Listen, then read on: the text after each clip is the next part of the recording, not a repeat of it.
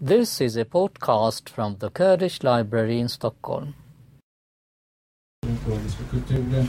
Men, men för många av oss var han lika betydelsefull som en överbryggare i alla sorters kultur.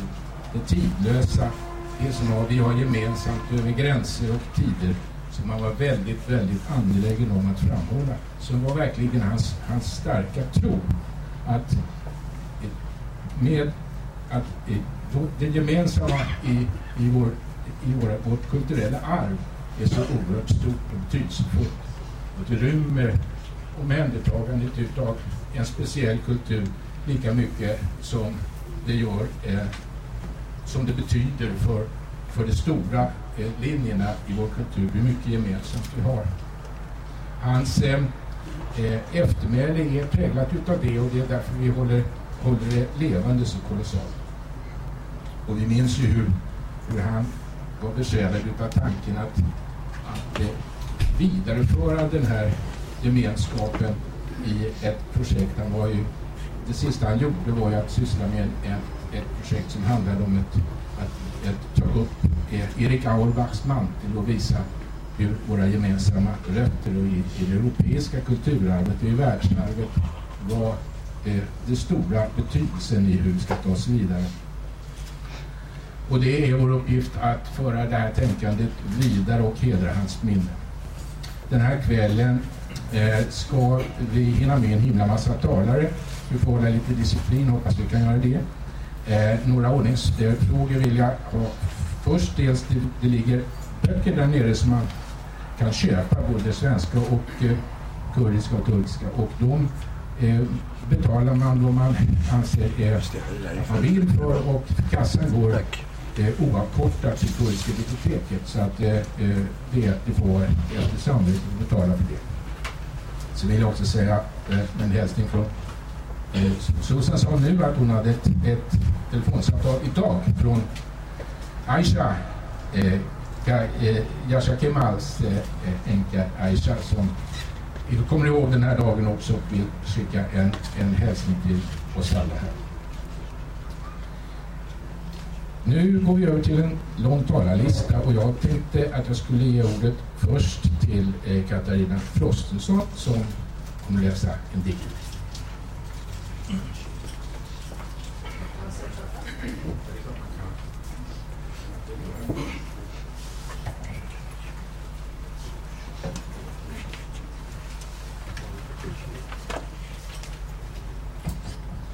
Tack för inbjudan att vara med här ikväll och hedra Mehmets minne, Mehmet Olsson, författaren, och Mehmet vännen.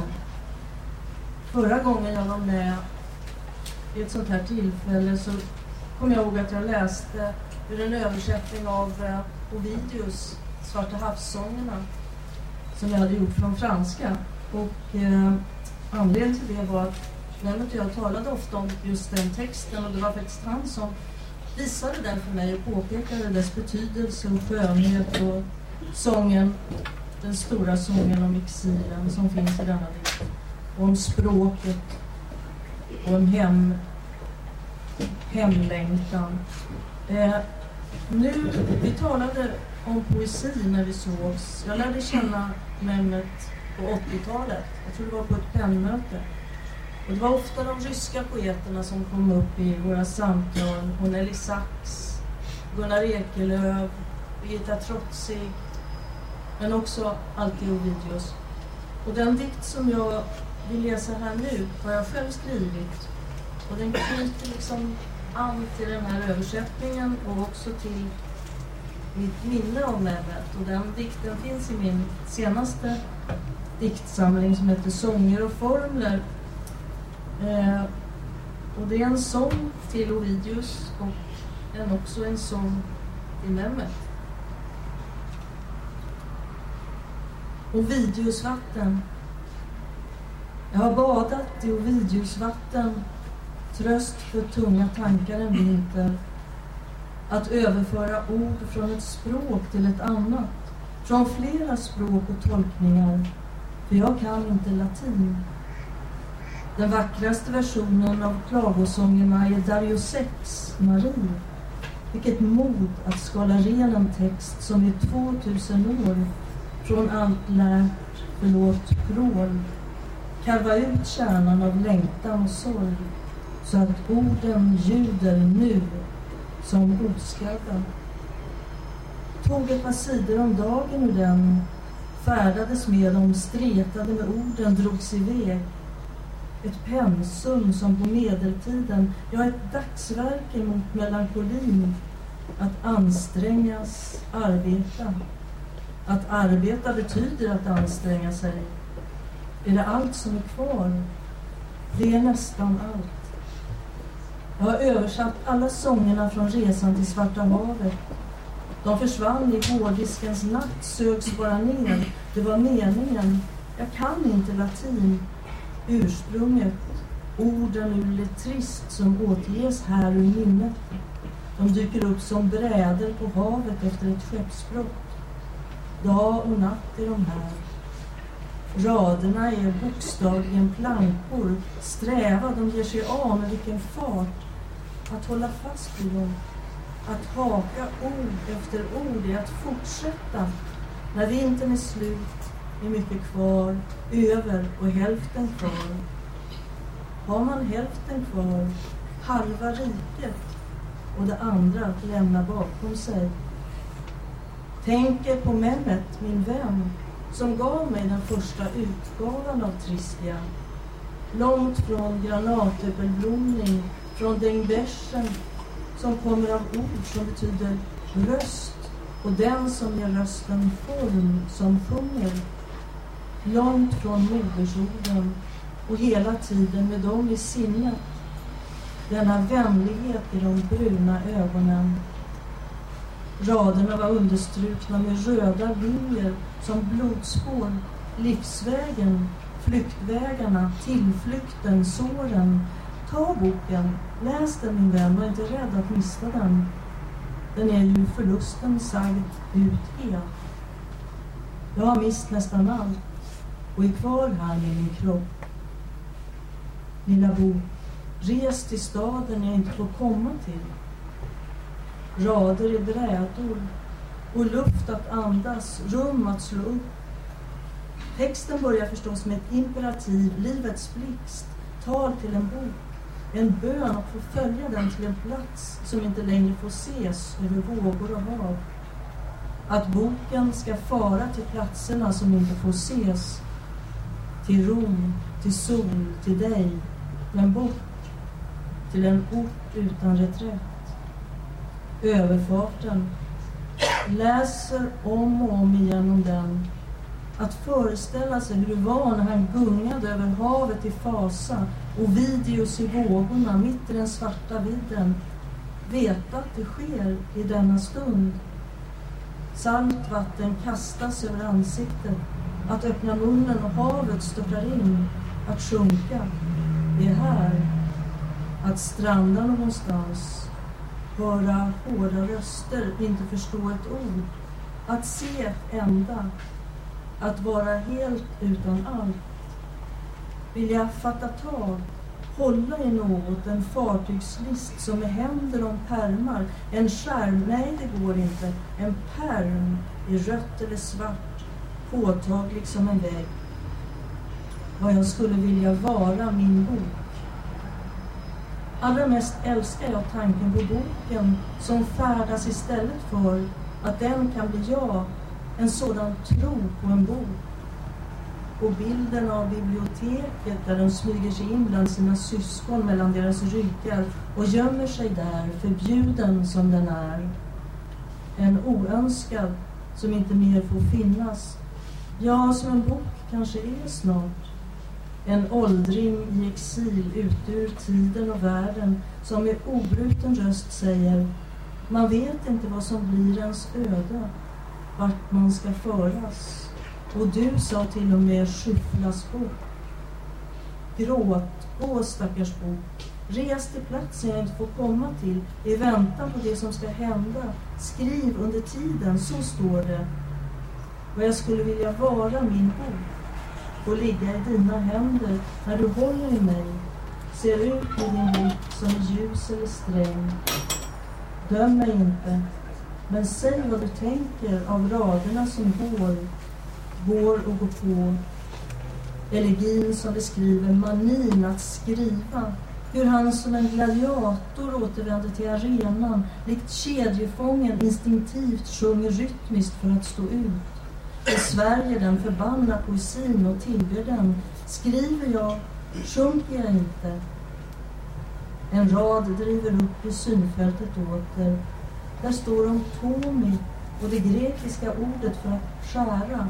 Att det var här Medea skar sin bror, kastade ut delarna, de samlades, huvudet sattes på skäret, klippan där Ovidius landsteg i sin exil, bortom allt, utan återvändo, i Tomi, som låter så mjukt, som en nos, ett rop, en famn, ett barn.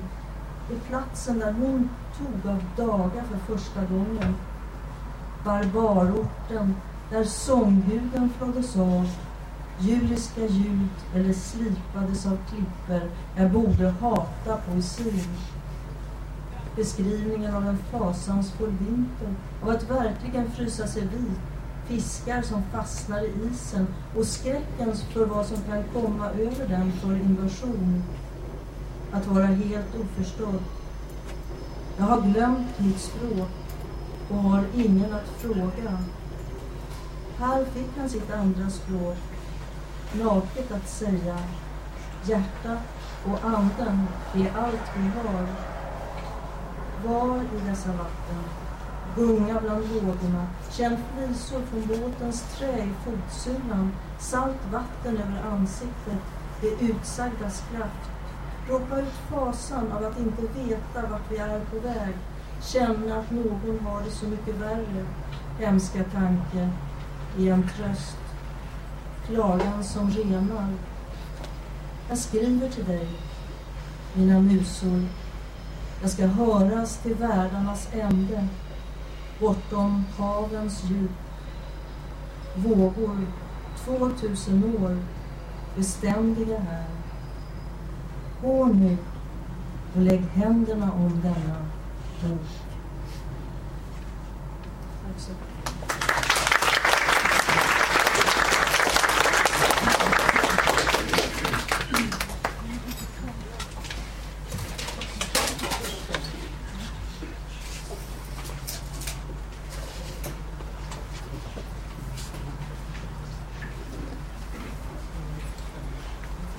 Tack Katarina. Nu tänker jag ju ordet till Tirat.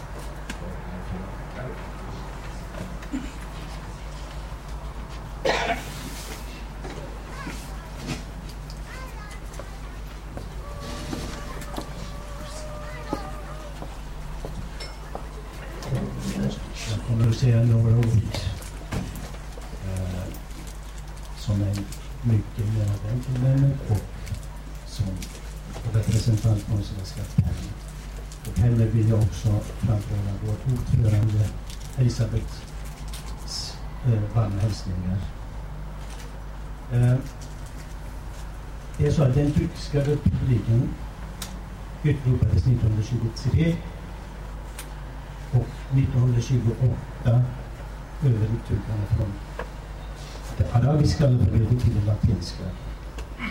Och det kallades för bokstävernas revolution. All turkisk litteratur transkriberades till latinska samtidigt som det växte ut en ny generation av turkar som ägnade sig åt litteraturen med latinska alfabetet. All kurdisk litteratur också var skriven på arabiska alfabetet. Men det tilläts inte att transkriberas eller nya generationer ägna sig åt litteraturen på latinska alfabetet. Så från flera generationskurser växte upp utan skriven litteratur. Från 1923 fram till 1979 gavs ut enbart två litterära verk arabiska och 1979 då. En diktsamling av Bojan Barnas och en novellsamling av Mehmet Emin Bozaslan som båda var tvungna att fly från Turkiet efter publiceringen. Själv drabbades jag redan vid tonåren av det skrivandets virus. Jag skrev dikter och visste att en mörk framtid väntar när jag blir ögon. Så jag var också tvungen att lämna smuggla ut mina dikter.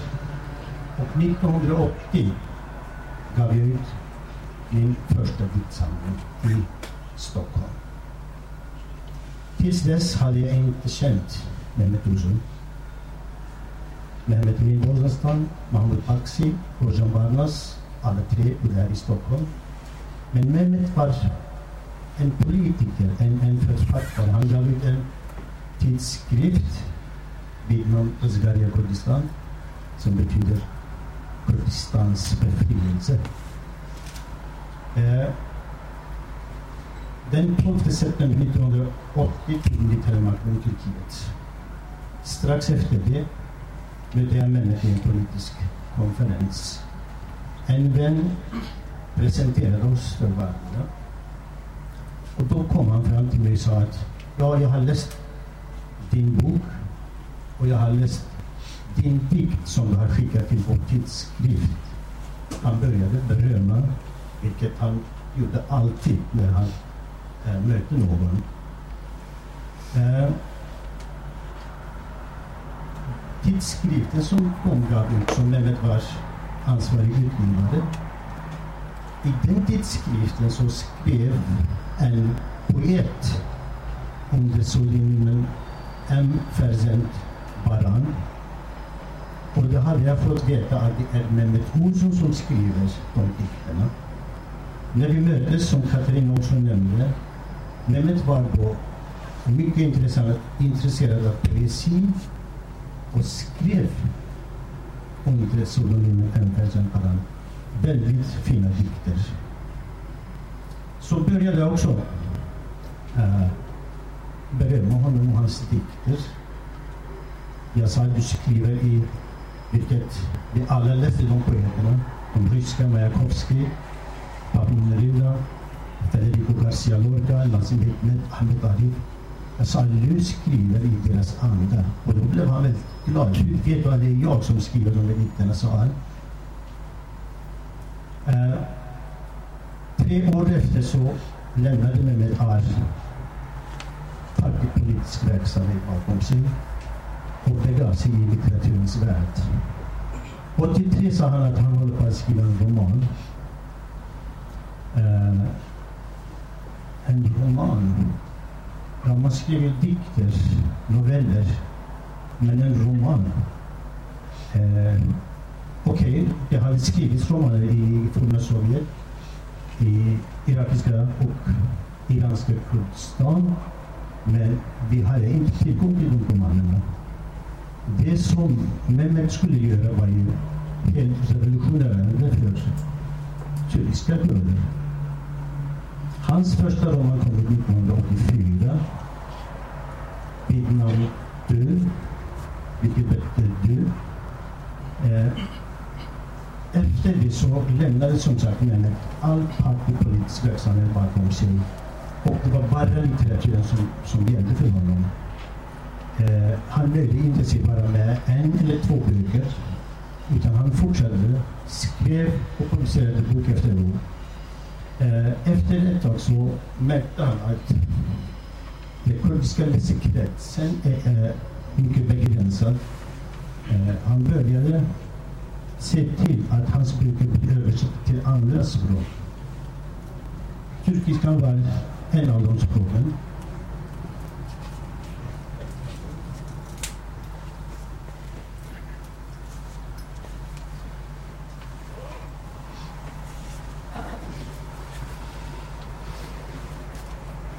Turkiska var ett av de språken som hans romaner översattes till.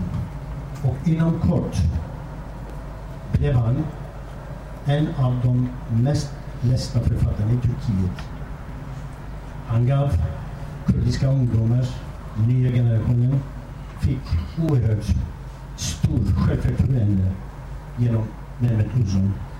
För att de hade aldrig förtryckts. Det kurdiska språket hade även många kurd, turkiska journalister, tyvärr, sa trodde att kurdiska språket består bara av 30 ord. Vilket de såg att det är kurdiska romaner. Jag menar eh, att det kan skrivas romaner på detta som så kallade bara 30, som består av 30 ord. Eh, mm, han hade ett projekt. Eh, kurderna hade, kurdiska litteraturen hade inte litterära agenter. Och än idag har vi tyvärr inte litterära agenter. Eh, så Mehmet var tvungen att göra allt själv. Han, had, han var kurdiska litteraturens utåtvända ansikte. Eh, han trodde på det eh, överskridande litteraturens obegränsning. Eh, så jag ska bara, innan jag lämnar ordet till, eh, till nästa talare, bara kort ett minne ska jag berätta. Men det som du nämnde Jonas också att innan Mehmet gick bort så hade han ett projekt att skriva en roman om den judiska eh, filologen Erik Auerbach som bodde mellan åren 36 till 47 i Istanbul som skrev Mimesis. Eh, han hade antecknat en hel del också som jag vet, men tyvärr han inte eh, skriva romanen. Men jag ska bara berätta en kort minne. Eh, Maria Modig och jag var, var i, i Diyarbakir för att, be, be, för att bevaka rättegången mot kurdiska politiker och författare från Svenska PEN var vi där. Eh, när vi åkte från Diyarbakir till Istanbul så eh, på Istanbuls flygplats så hade vi två, tre timmar på oss. Så började Maria och jag prata om Mehmet eh, som Mehmet var mycket nära vän till Maria också. Eh, så sa vi att Mehmet, Mehmet, de som känner Mehmet väl vet att Mehmet var inte tids, hade, var inte lojal med tiden. Han kom inte sent, eh, även till offentliga eh, konferenser kunde han gjorde.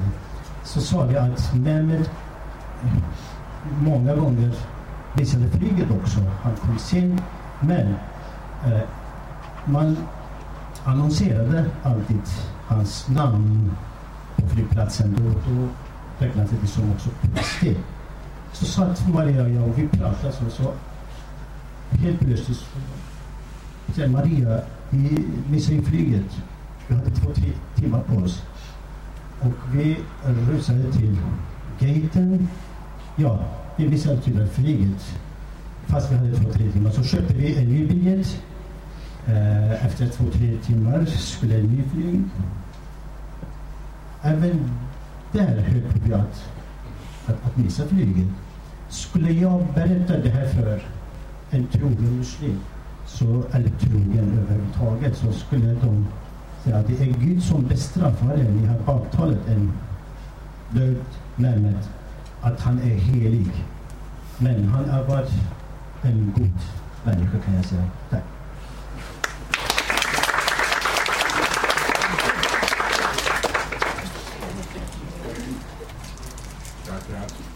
Ja, en Pirats eh, reflektioner kring tiden och eh, missade tider på flygplatser. Det påminner, också, påminner oss också om Mehmeds eh, situation vi såg. Äh, Mehmed uppträdde i stort sammanhang offentligt i Istanbul. Det var ju ett, ett stort arrangemang till hans ära där det var inte planerat att han själv skulle göra något stort framträdande men han, han framträdde spontant där och vill tacka för det fina, den, den fina föreställningen. Det var ett mycket stort program. Och det pågick väldigt länge spontant och han, när han kom igång så tog det inte slut, det ville vi heller inte att det skulle göra. här måste vi vara lite mer disciplinerade. Så jag, det, det, det ger mig anledning att, det är många talare på listan här, så jag ber er att, eh, att visa res, större respekt för tiden än vad, än vad Mehmet gjorde lyckligtvis den, den här sista gången vi såg honom uppträda. Nu lämnar jag ordet till Kjell Espmark.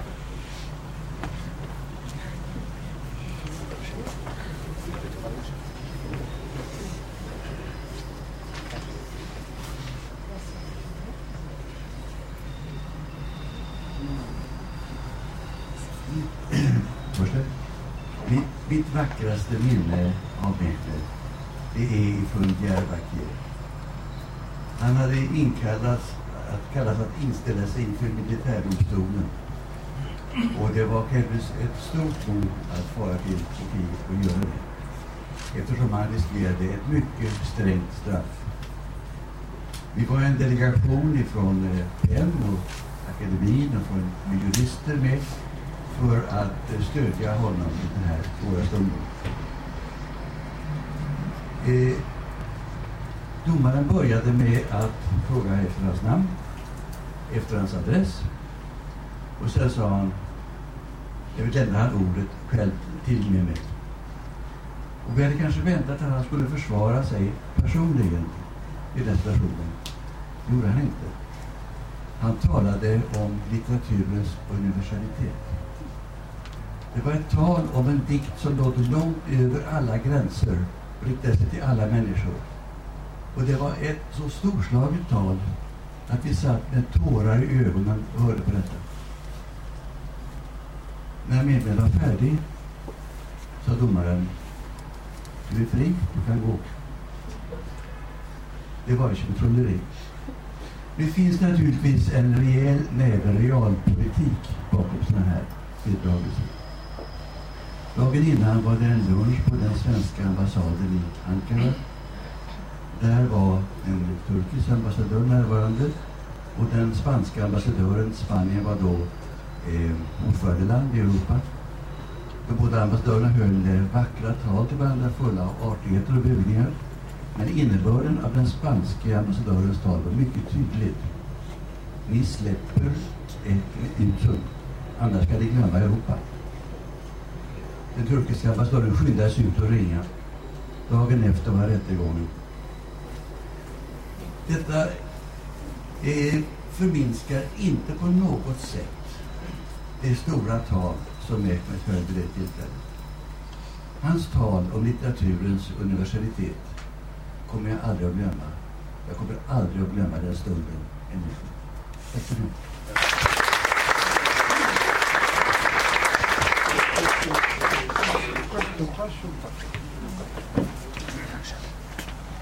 Tack ska du ha.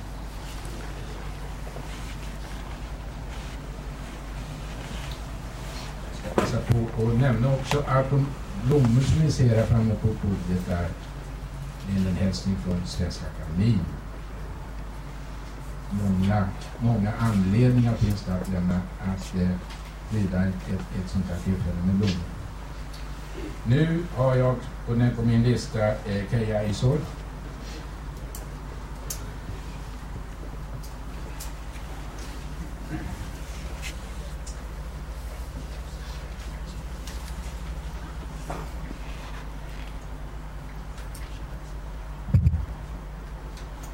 Kära vänner.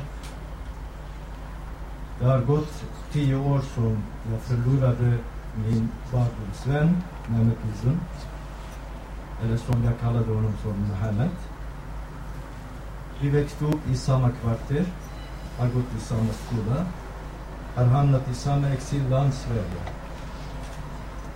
Vår vänskap varade under alla dessa år, ända tills hans hjärta stannade glömmer aldrig denna dag då han berättade för mig att hans sjukdom var mycket allvarlig.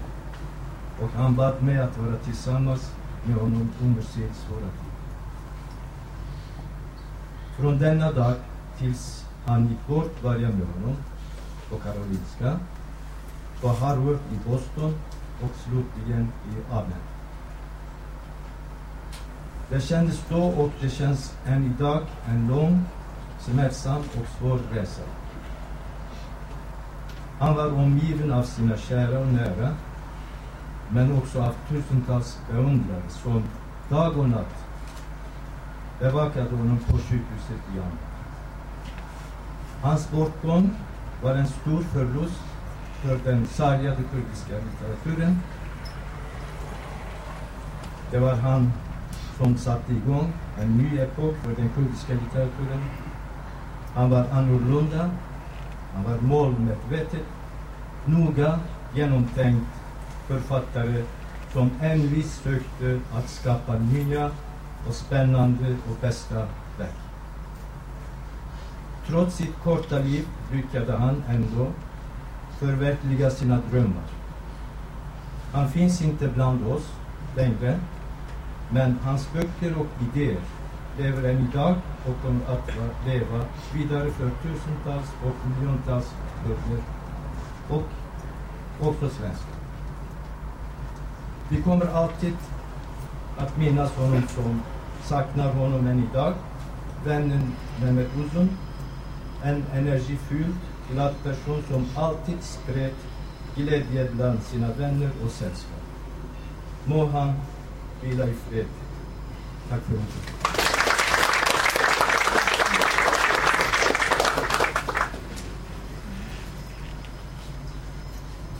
Åke. Arne Rut har jag på listan här. Och Där ja.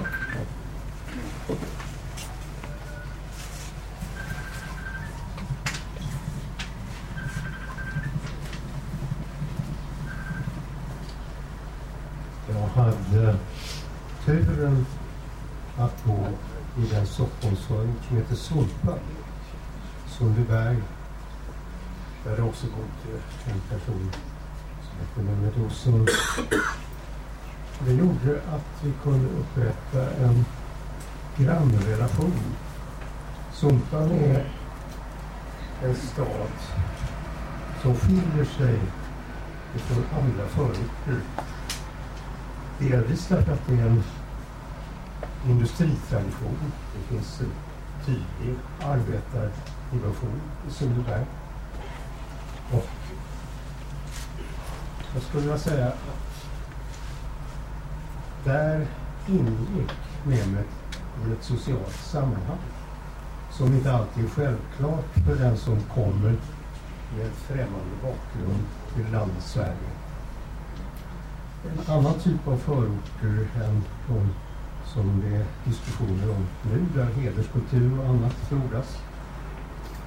Och framförallt för mig, som då var på väg att göra karriär i den svenska medievärlden, först som kulturchef på Expressen, och sen som kulturchef på Dagens Nyheter, så var det en fördel att jag bodde där och att vi upprättade en relation som då självklart också kommer handla om att jag lärde mig någonting om att det finns kurder i Sverige. Och jag lärde mig också vad det handlar om när man växer upp i ett land som Sverige. Där det nationella ändå har vuxit historiskt så att man kan till och med glömma bort det. Idag är det många som inte känner till den svenska historien därför att den har varit så tydligt framåtriktad. Och då lärde jag mig att man måste också se på det egna landet med främmande ögon. Men att var tvungen att se på sitt eget land med sin egen uppfinningsrikedom därför att detta land inte fanns. Därför att det låg på ett ställe där gränser hade dragits av andra makter och där kurder definierades av de nationalstater som hade uppstått ur den, den här gränsdragningen. Han byggde medvetandet om denna kultur genom sitt sätt att vara, sitt sätt att skriva. Och jag tror att på det planet så var han verkligen universell. Han var en person som gav oss som ville chansen att förstå att där finns det någonting som vi måste bry oss om. Vi kan inte bara säga okej, okay, det kommer kurder hit till Sverige. Eh, vi får finna oss i detta. De får anpassa sig. Men de måste också ha rätten att bekymra sig om det som drev dem på flykt. Och där ligger också i en sådan berättelse medvetenheten om att ett land som heter Turkiet som gärna vill ha någonting med Europa att göra måste ta väldigt stora steg för att det ska kvalificera sig för att få en verklig europeisk tillhörighet. Och då gäller det att stödja inte minst de författare i Turkiet som gestaltar en annan framtid för landet Turkiet. Som tillerkänner andra språk och kulturer rätten att också vara verksamma i fullo. Och jag tycker då att det här kurdiska biblioteket det är fantastiskt att det finns ett sånt kulturcentrum i Stockholm. Det är någonting som förtjänar ännu större uppmärksamhet. Att vi alltså här i en stad som ligger långt norrut, skenbart väldigt långt borta ifrån det som har skapat den kurdiska kulturen, att vi faktiskt har ett sånt här kulturcentrum. Jag vill tacka Mehmet för att jag fick lära känna honom. Att jag därmed lärde mig någonting som befruktade mitt eget liv och att jag tack vare hans författarskap också fick en kunskap om ett sätt att uttrycka sig på detta språk som gjorde mig till en mer vidsynt människa än jag annars skulle ha varit. Och tack vare det så fick jag också andra kontakter. Jag fick personliga vänskaper som bidrog till att göra mig till någonting mer än bara en svensk. Tack.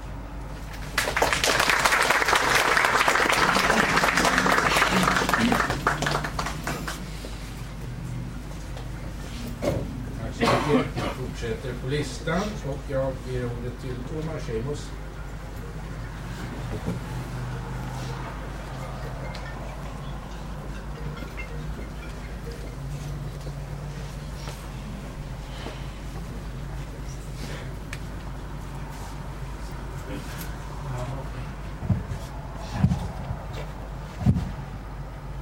Tack så mycket. Ehm, Tack Jonas, tack allihopa för att ni kunde komma för att delta i det här mötet eh, till minne för att värna Gustav.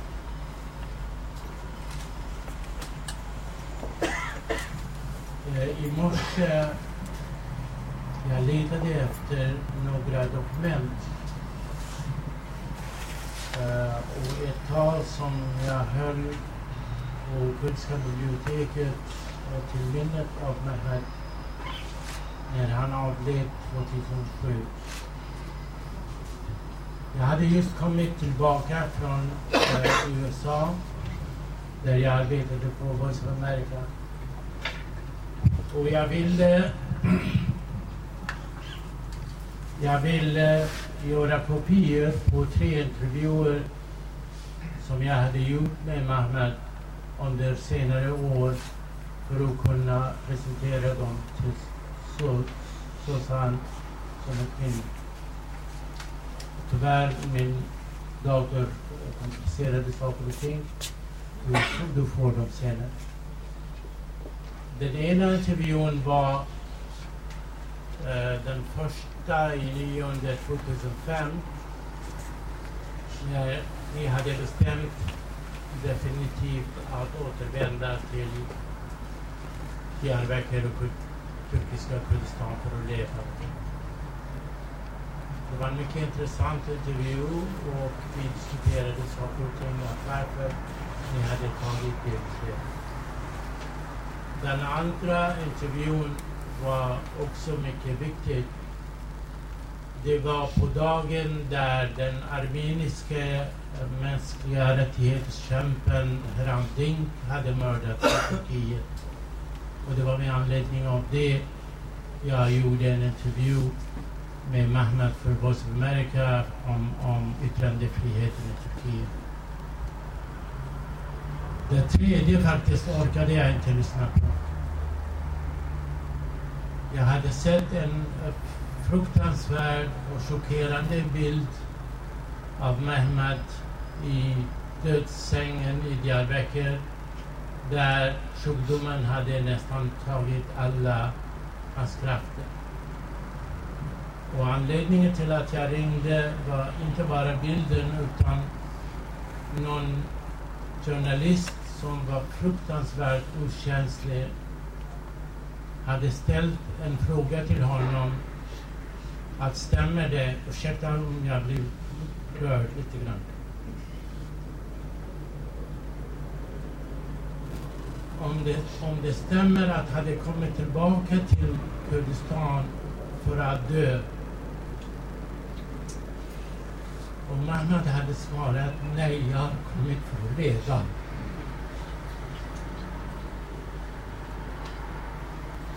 Detta svar glömmer jag aldrig. Och jag ville tala med honom för att kunna förklara för läsarna och för lyssnarna vad han menar med det. Men tyvärr, han orkade inte och jag orkade inte. Så jag bara sa adjö till honom och, och, och hoppades på det bästa vad gäller hälsan. Jag visste vad som Kakaya nämnde, att alla läkarna i Diyarbakir verkligen ställde upp för att hjälpa honom. Uh, det andra som jag såg i morse också på min Facebook-sida var en bild just av Mehmed Olsson och Mahmoud Baksi och Kaya Isol som Kaya hade postat på sin Facebook-sida idag där han uppmuntrar folk att komma och delta i, den här, i det här mötet. Uh, det är från 1992. Och jag tog tillfället i akt och ringde vår kära Elin Claesson för att höra hur det är med henne och att påminna henne om det här.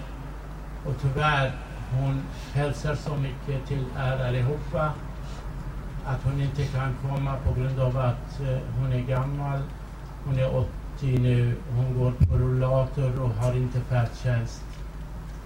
Och därför kunde hon inte komma. Men hon sa att påminn dem om den bok vi skrev efter att vi gjorde en resa tillsammans till Iran, till iranska Kurdistan och till irakiska Kurdistan. Och den intervjubok som de publicerade senare med intervjuer med Gassemlo, med Imam Jalal, med Sheikh Ezzeddin Hussein. Och tyvärr, eh, några av er vet att eh, mitt öde eh, har blivit nästan de senaste månaderna är att delta i möten för att minna mina nära och kära.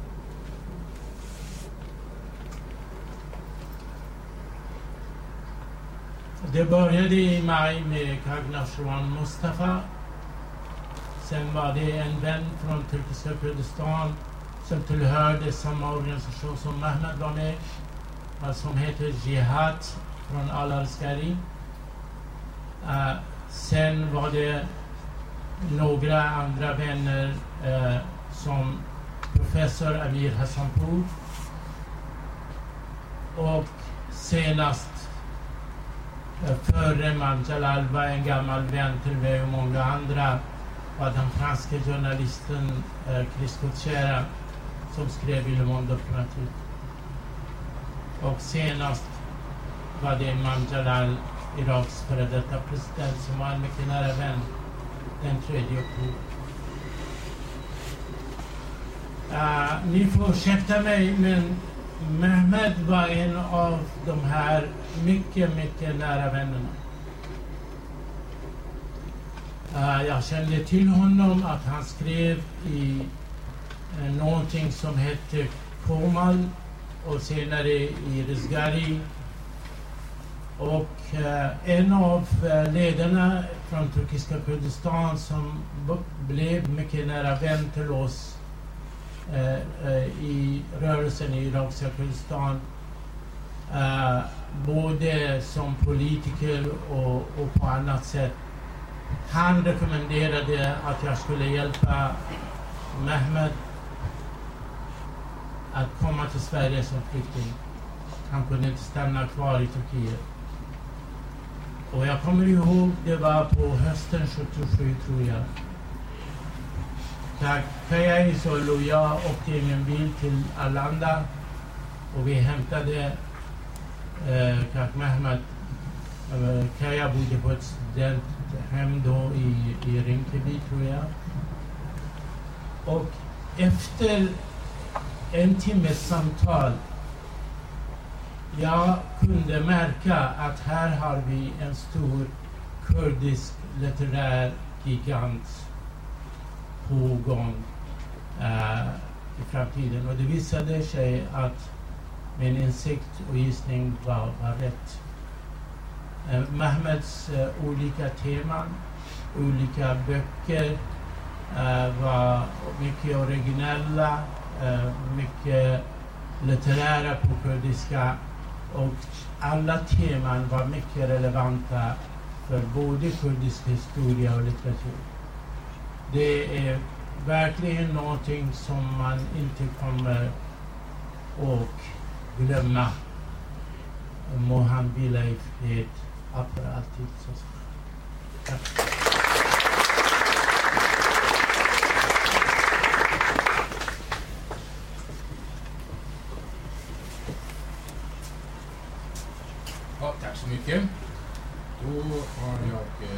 ragione.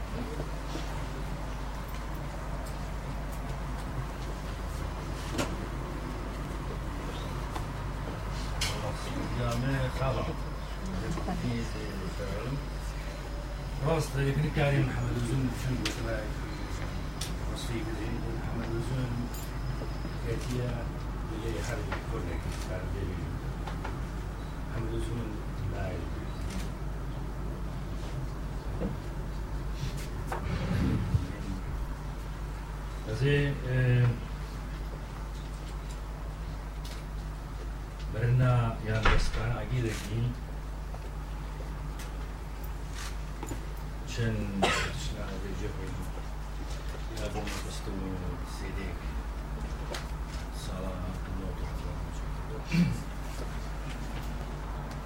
دي بیرام همه گلت بی نزانی بگوزی وینا دی بیرام درنگ بوم تلفون جه وکرد مگوم أو شعرات تا لسانا گلی چی گلی ورحاصل گلی کی فهمی جدی بوم تشتكي وينا وخست بها بلادن لادن هوانو. بباريان بباريان بريان.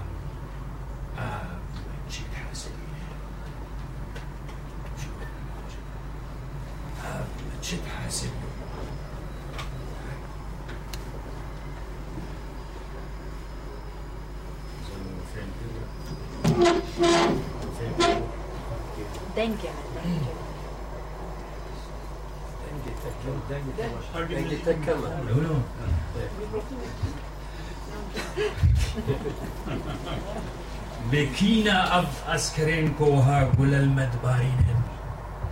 جكونا لسر آخا ما تشجمت خوازن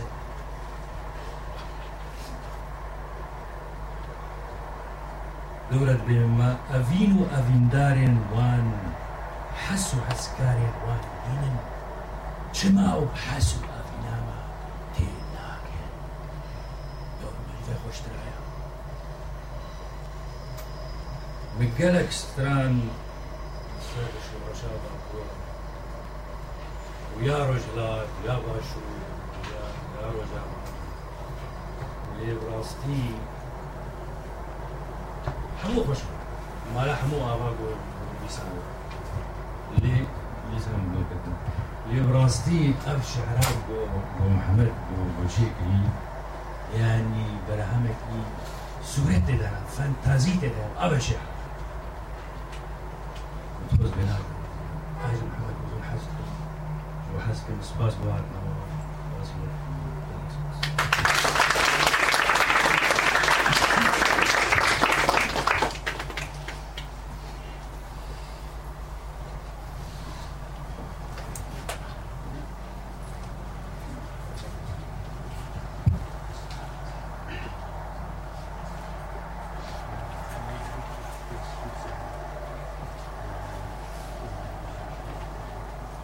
för oss som inte behärskar det här språket så kommer språkmelodin starkt emot oss ändå.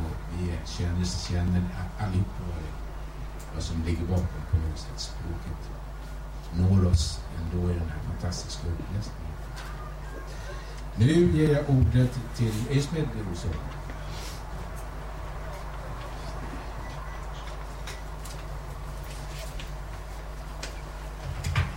Eh,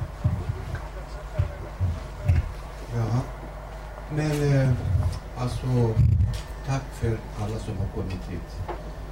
Mehmet var en eh, släkting, en kusin till mig.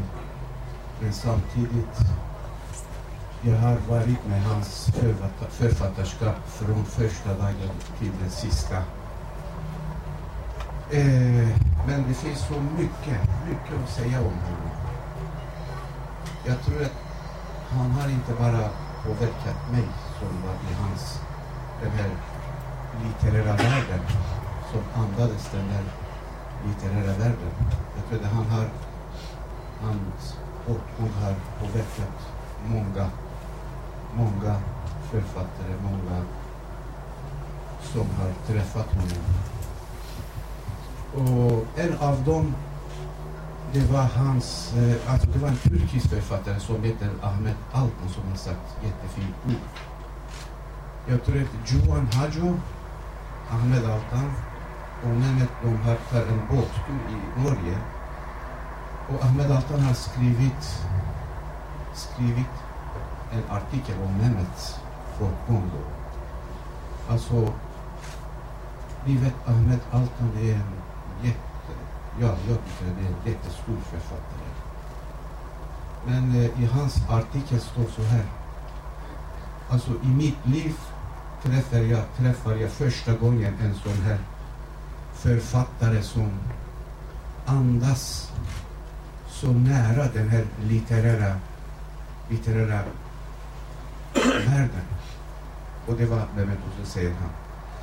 Men i alla fall för eh, och det var jättesvårt för honom att skriva. När han skrev första romanen, Tu, alltså Du, då bodde jag och han i Rågsved. Det var någon på 82, 83 då. Och jag brukar gå och lära mig svenska. Och han från morgonen, vi åt frukost tillsammans. Så då började han skriva. Och så efter klockan fyra, fem när jag kom tillbaka från skolan. Så då har han skrivit en, en, eh, en sida bara.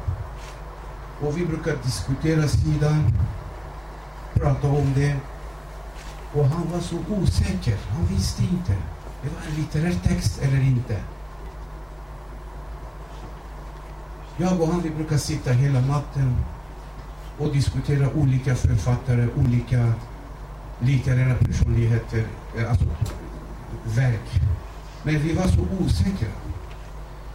Men nu, nu förstår jag.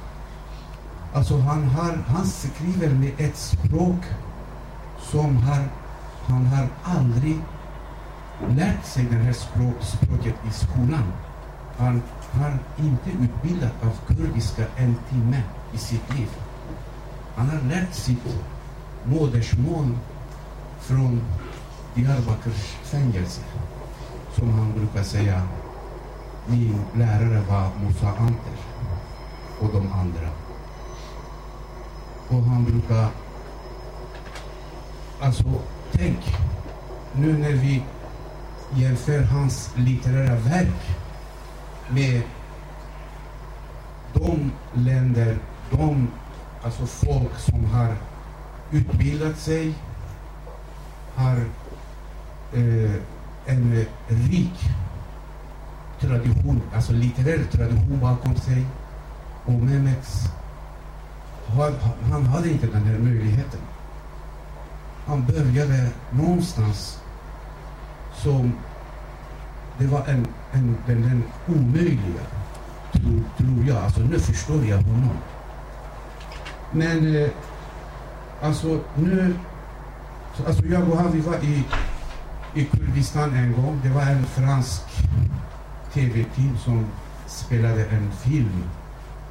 Så vi var på bergen och tittade hur de spelade in.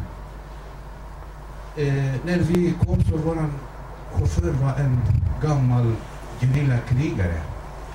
Han, han körde oss.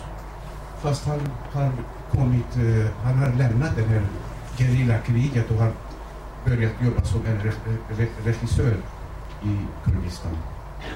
Men på vägen, Mehmet frågade honom, men du, alltså hur, hur Alltså, ni, har, vet ni att min, någonting om min författarskap? Och den här chauffören och gammal gerillakrigaren började prata om hans böcker, sådana detaljer som Mehmet själv som har glömt. Och varför har du skrivit den här paragrafen? Vad menar du det här? Vad menar du det här? Efter tre, två, tre timmars sådana eh, resa så började han frågade, alltså diskuterade litteratur med mig. Och han sa, du, Mehmet David, alltså vi läser dina böcker, vi har läst mycket i bergen och vi har diskuterat mycket i dina böcker. Men eh, när vi kom till Heuler, till hotellet, då han vände till mig och sa Ismet, vad har vi gjort? Vad har jag skapat? Alltså en gerillakrigare som har läst mina böcker där och en i Istanbul som är en alltså moderna människor som läser där och frågar samma saker om, om mina böcker. Och en religiös människa läser mina böcker och en vänster Alltså folk från vänstersidan börjar diskutera det. Nej, jag menar, men det var Kjell Esmark som sa jättefin grej jag glömmer aldrig det här ordet. Efter rättegången, vi var med, jag guidade för svenska delegationen i Diyarbakir. Så efter rättegången, vi kom till hotellet. Kjell sa till mig, Ismet, det är första gången, eller det är andra gången jag ser en författare som, eh, alltså när de lever och har sett vad de har gjort första det var Octavo Paso. Och så den andra det är Mehmet och jag tror att Mehmet har sett vad han har gjort, vad han har skapat. Och den här, den här, det är därför ibland jag säger, men det är bra. Så han har sett vad han har gjort. Alltså för våra svenska vänner, det är lite kanske svårt att förstå varför, varför vi Alltså, Mehmet är så viktig för oss. Därför att vi, vi är en 50 miljoner folk som är förbjudet att gå i våra skolor. Förbjudet att, jag menar,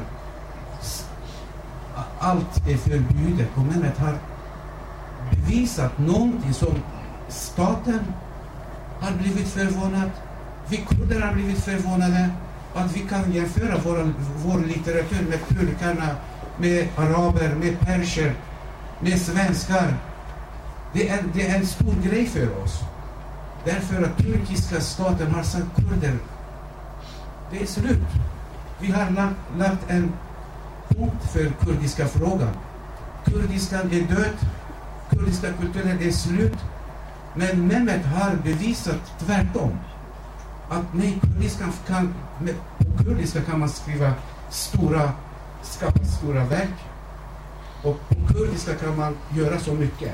Det är det, det, det, som eh, ibland är svårt för, för våra vänner att förstå. Varför Mehmet är så viktig för oss. Men eh, som jag sa, tack för alla som har kommit hit och tack för våra vänner som på Mehmets rättegångar som har hjälpt Mehmet. Otroligt. Det för, alltså jag tror att det är första gången som man hör att Svenska Akademin går och lyssnar, bevakar en rättegång för en författare långt borta från Sverige. Och jag tror att eh, det var, det var, det var, det var Mehmets rättegång. Men alltså Kjell Esmark, Arne Rut och våra, våra änglar är inte här. Så på andra restauranger var han med. Så vi är så tacksamma, tacksamma för att de har varit och hjälpt mig. Och jag tror att den har betytt mycket för mig också. Men tack för att ni har kommit här. Tack. Tack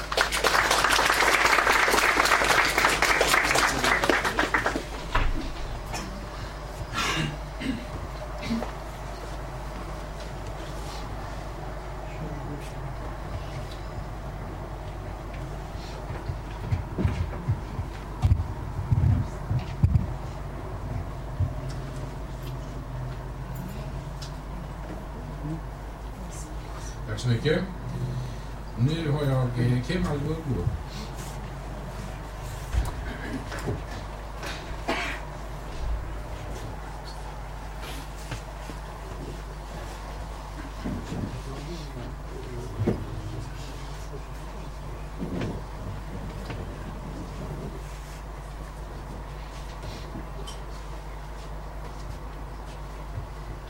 Mehmet var framförallt en känslig människa.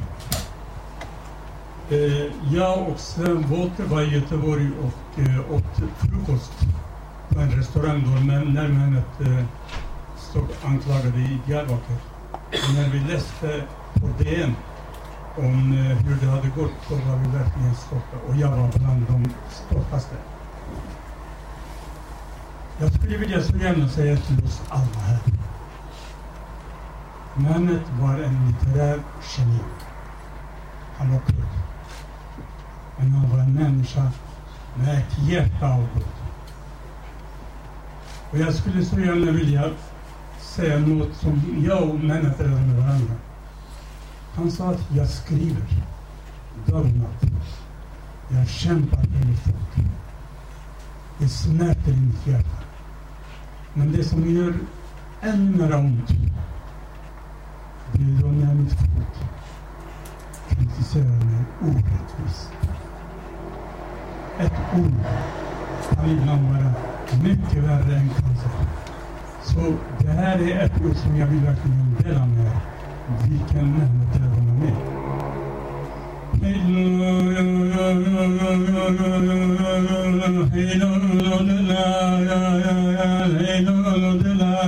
Hey,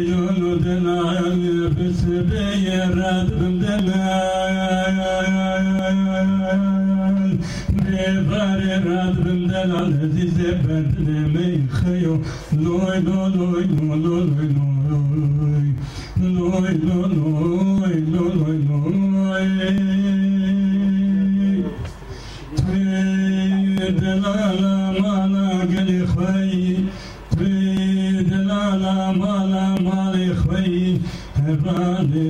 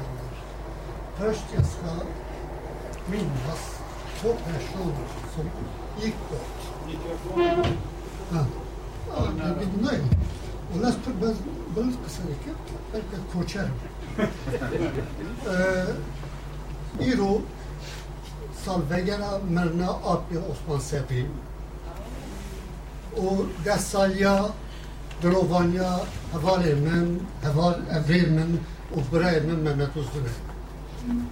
Ji bo xatir van ez carekî ji bo van ala Kurdistanê maç dikim. Çünkü van boy ve ağlaşa kirin, boy Kurdistanê azad şekirin.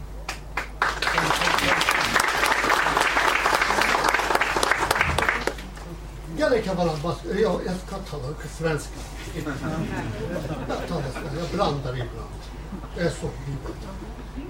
Jag träffade Mehmet första gången 1976. Var inte dig? Oj, oj, oj, oj, oj. Kan vi hjälpa? Okej. Jag vann med mikrofon, jag är inte så rädd. 1976 Oj, 1976 jag träffade Mehmet i Ankara. Då därvarande Sami Abdurrahman, KDPs tillfälliga kommitté, skulle göra revolution, skulle börja kriga eller inte. Då Sami Abdurrahman skickade mig till Kurdistan, våra Kurdistan. Jag ska träffa ledaren och de andra, höra vad de tycker. Då träffade jag Mehmet på en restaurang. Som ni känner till, vi som bor utomlands brukar dricka lite mer. Jag och Mehmet, några vänner, träffade en restaurang. Och det kom jättegott mat. Jag vågade inte säga till att vi ska dricka eller inte. Och jag frågade Mehmet, vad tycker du? Ja, självklart. Då jag beställde jättegott vin från min hemstad Harput, Buzbara. Och vi drack tillsammans. Men det här mötet, Mehmet gav en jätteglada nyheter till mig. Han sa vi kommer att ge ut en kurdisk tidskrift, Rızgari. Och den första, det ska vara den 21 mars. Jag fick den i glädje. Sen Mehmet och jag, vi, okej, jag ska visa första tidskriften som Mehmet det är Kurdistan, första och andra. Och när där vi tittade på den här, en del av mina vänner och en del nationalister sa det till men det är en stor Kurdistan. Men men skojade lite grann. Ja, ja, vi kämpar om vi får halva och då vi är glada. Nu halva Kurdistan befriat. Sen det var den här röda kärnan i kurdiska eh, kartan. De sa det är inte Ahmed. Men sa till mig och andra. En kurdiska huvudstad ska ha en sjö. Både det en våra sjö. Vi bildade då en ja, Mehmet var med Rizgari, utgivare till Rizgari, tidskriften och sen blev fängslad. Efter sin fängelse han tog flytt till Sverige. Alla har nämnt det. Jag har en del anekdoter med Mehmet. Han hade en grå överrock, lite ljusbrun, var mycket gammal. Alltid hade han på sig en kavaj Manchester, en byxor Manchester. Jag tittade inte på hans skor. Jag tittade inte på hans skor. Mehmet var lite slarvigt. Den andra saken, när vi satt vid matbordet, han delade första maten till sina gäster. Den andra, när han skalade ett äpple, gav den första biten till sin närmaste. Vi hade många fina tider med varandra. Och med bildandet av Kurdiska riksförbundet, men man var en lösande och framträdande personer. skakar handen. Och där med hans trädlösning, konfliktlösning, bildades Kurdiska riksförbundet med några andra kurdiska föreningar. Sen Mehmet var också en trädlösande, konfliktlösande, en kurdiska fråga. Jag hade en avtal, en originalavtal av det samtalet mellan, eller avtalet som skrivit under mellan Mehmet Ferzende, Hüseyin Ferzende och Mamcelal Talabani och sen Ali med namnet Abdullah Öcalan. Den avtalet jag har med mig, den har skrivit 1980 att kurderna inte ska kämpa mot varandra. Och där har jag originalet, jag har inte delat ut eller givit ut på grund av nu det eh, både bort jag ska skriva och eh, ge ut till mina vänner. Mehmet var känsligt. När han lyssnade på kurdiska musiken, när han lyssnade på kurdiska flöjten, han gråt ibland. Och det jag kommer aldrig glömma. Böjer mig framför er till Mehmets bortgång, en god vän, en kurdisk revolutionär har deltagit i irakiska revolutionen, iranska revolutionen, var med alltid med kurderna. Jag träffade Mehmet sist 2007 i Diyarbakir, i det här sjukhuset. Han låg där borta, jag kunde inte komma nära och hälsa på honom. Då jag sa till Mehmet, du har valt jättebra fint plats här. Vad tycker du? Eller vad säger du? Jag sa, där där du ser. 1925, turkiska staten har hängt kurdiska ledare. Det är den staden som kallas Delicio. Vägen till, dörren till bergen. Du har hittat din plats. Och sen jag ska säga till, jag böjer och jag skakar också för att orden påverkar också. Tack den dagen jag varit med, med er.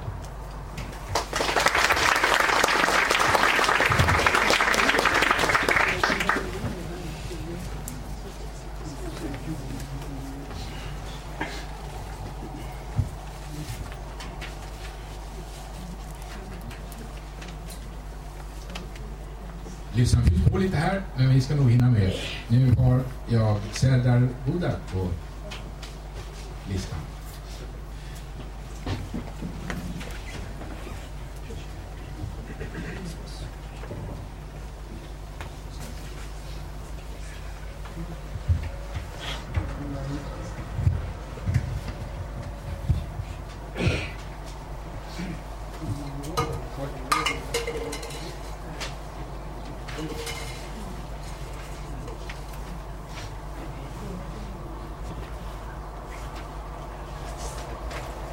Kära vänner. Det var en fin sommar. Dag år 2006 i Stockholm. Vi, jag, alltså Mehmet Uzun, hans familj, jag och vänner. Vi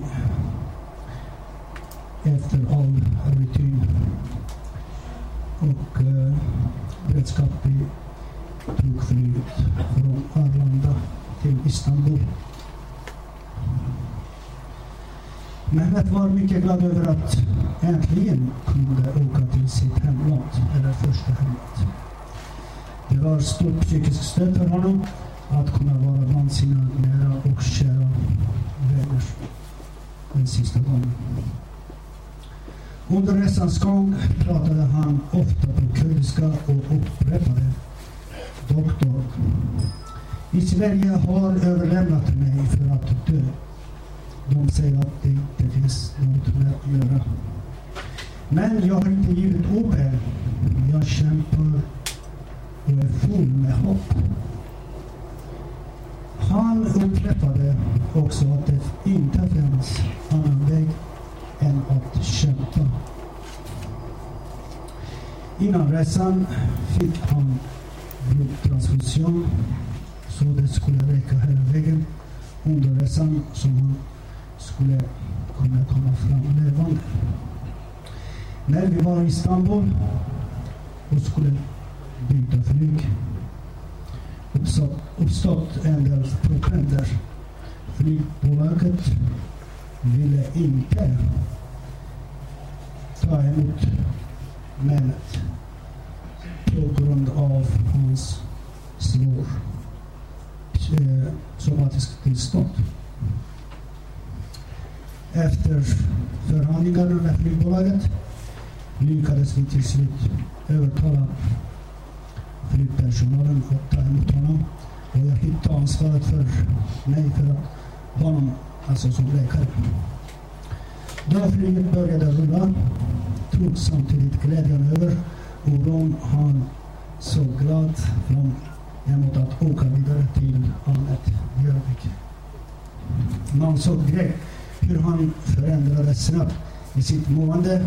Det var inte svårt att se glädjen i hans ansikte. När vi var framme i Amet mötte sjukpersonalen oss själva i planet. Mehmet var så glad att få vara hemlandet igen. Vilket gav honom otroligt mycket kraft och glädje så pass att han nästan ville gå av flyget själv. Man skulle inte kunna tro att han var i sitt slutskede. Jag och Mehmet höll kontakten hela ibland direkt, ibland via hans bror Mustafa. Min sista kontakt med Mehmet var under sommaren 2007 när jag ringde honom. Då var han i staden Bonn med en kollega till mig och sa den sista som jag hörde eller pratade om på kurdiska. Doktor, Ezo Kanser där hade den. Bezaka Hayaki. Kämpar mot varandra. Vi får se hur länge några. Efter några månader fick vi tyvärr höra den sorgliga nyheten och hans bortgång. Idag är han kanske inte med oss fysiskt, är dock med oss i våra tankar. Han lever fortfarande, gör om sina böcker, poesi och når fortfarande otroligt många människor. Han satte verkligen en stark han satte verkligen en stark sten i vår litteraturspelare genom sin verk. I en av sina verk citerar han Shakespeare. Det står där. Den som skriver landets musik är mycket starkare än de som skriver landets lagar. Och jag ska tillägga att de som skriver om landets litteratur och musik är mycket starkare än de som skriver landets lagar. Denna mening säger väl om ämnet. Tack så mycket.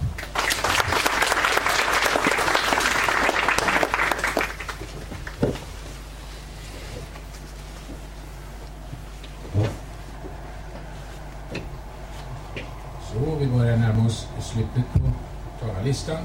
Jag har Nevzat Erori på Kurdiska biblioteket.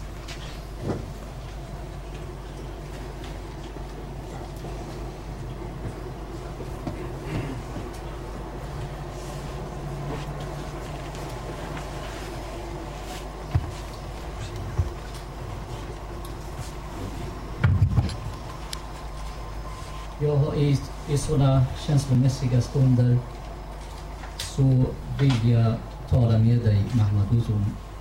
Jag vill tacka dig för du har kämpat med tiotals andra kurdiska skickliga författare att bevara och utveckla kurmanji, kurdiska, inte i hemlandet men i exilen. Jag vill tacka dig för att med dina böcker så får biblioteket, kurdiska biblioteket, leva och må leva vidare. Jag vill tacka dig för att genom att läsa din roman Ljus som kärleken och mörk som döden fick min dotter sitt vackraste namn, Kevuk Duva. Och jag vill tacka dig för, för att du vill fortfarande stödja Kurdiska biblioteket genom din familj som har lämnat dina böcker här på Kurdiska biblioteket. Så tack så mycket, Mahmoud Ozum.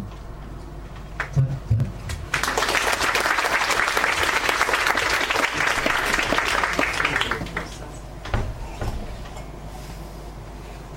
Då lämnar jag ordet till Maria.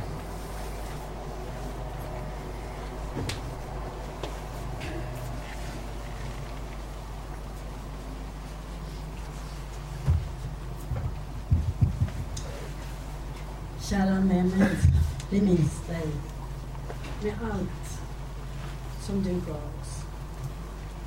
Kära Susanne, kära Serja och kära Allan. Vilken riktig författare, far, man och vän du var. Jag vill gärna läsa någonting som Mehmet har skrivit.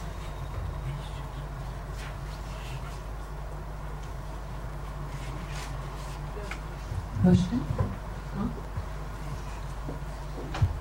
När eh, Mehmets far var fängslad skulle han just börja skolan.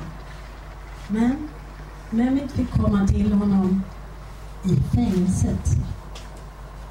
På fars splitternya madrass som doftade så gott skulle jag nu för första gången göra som jag hittills brukat. Som jag hittills brukat med farfar. Jag skulle sova i hans famn. De där nätterna då jag och min far för första gången och sista gången var så nära varandra. Jag hopkrupen i hans famn inandades lukten i hans armhålor. Det liknade sura päron. Han la min högra hand på sitt bröst vars hår redan grånat.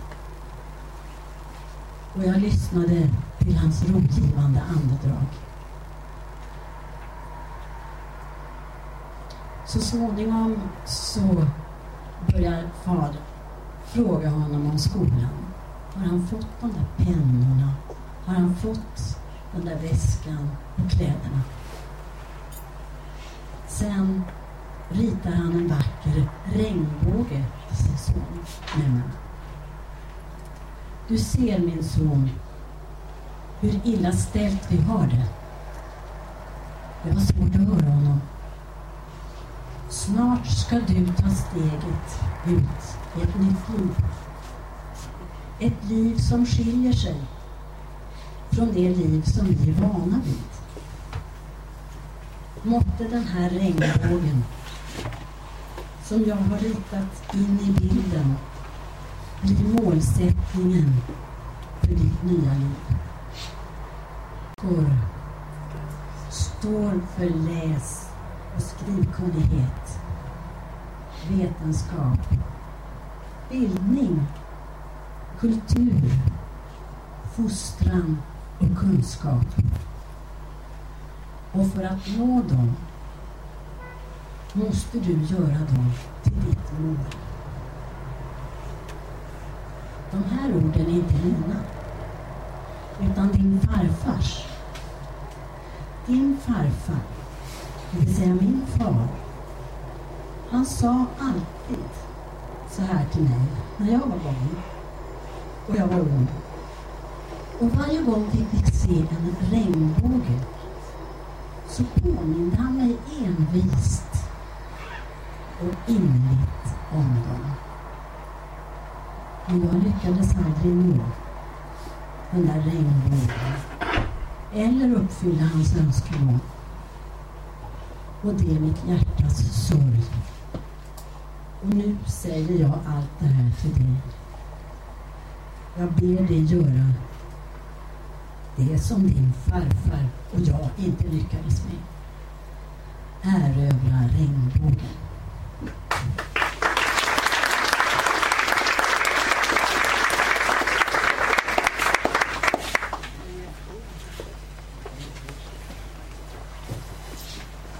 Ja, då har vi faktiskt kommit ner på slutet på den här listan. Och eh, innan jag eh, ger ordet till Nemo för att avsluta det hela helt och hållet så vill jag eh, säga ytterligare några saker. Jag vill läsa en, ett brev ifrån Agneta Pleijel som eh, skulle ha varit här också deltagit men hon var förhindrad. Hon skriver så här. Kära vänner, Mehmet Ozun var en mycket kär vän till mig i Stockholm och en beundrad författarkollega. Så fort eh, vi hade träffats grep, greps jag av hans väsen som präglades av ödmjukhet och stor intelligens. Han närmade sig Sverige med ett starkt intresse för svensk litteratur och vi talade ofta om äldre svenska författare som Evin Johnson som hade betytt mycket för honom. Inte många utifrån kommande gjorde som Mehmet, det vill säga försökte förstå den litterära kontext där han hade hamnat i sin exil. Jag lärde mig mycket av honom och av hans böcker, om den kurdiska utsattheten och om språkets avgörande betydelse. Jag beundrade hans mod, hans klokhet, hans politiska klarsynthet och hans stoicism. Jag är ledsen att jag inte kan vara med ikväll, men jag är lycklig över att hans minne hålls levande. Jag tror inte att någon i lika hög grad som Mehmet har spridit kunskap om det kurdiska språket och litteraturen i vårt land. Att han inte finns längre känns som en stor personlig förlust. Litteraturen har inga gränser. Käre Mehmet, om det finns någon människa som visar dig det, så var det du. Litteraturen är en mötesplats. Jag är oerhört glad över att kunna fortsätta att möta dig där. Tack från din vän Agneta.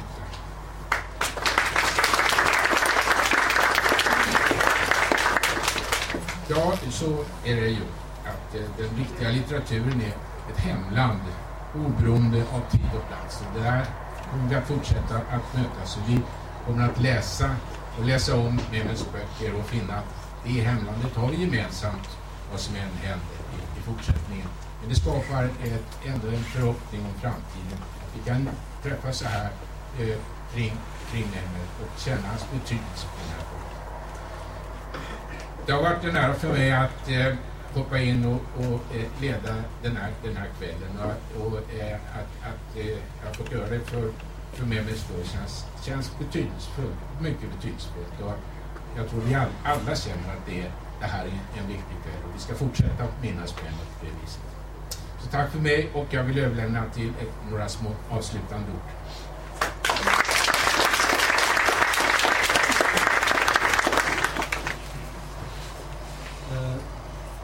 Första gången jag eh, träffade Mehmet Ozan var precis eh, när Chef Mus talade om sommaren 77 då farbror Nedretin Bykaya eh, träffades hemma hos farmor och farfar.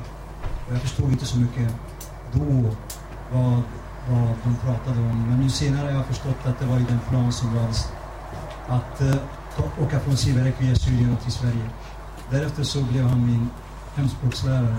Men tyvärr är jag eh, inte, läser inte lika bra eh, kurdiska och jag är väldigt glad över att de fyra svenska böcker som är översatta eh, från kurdiska till svenska och har lärt eh, mig om mitt eget land och mitt eget, där mina rötter kommer ifrån.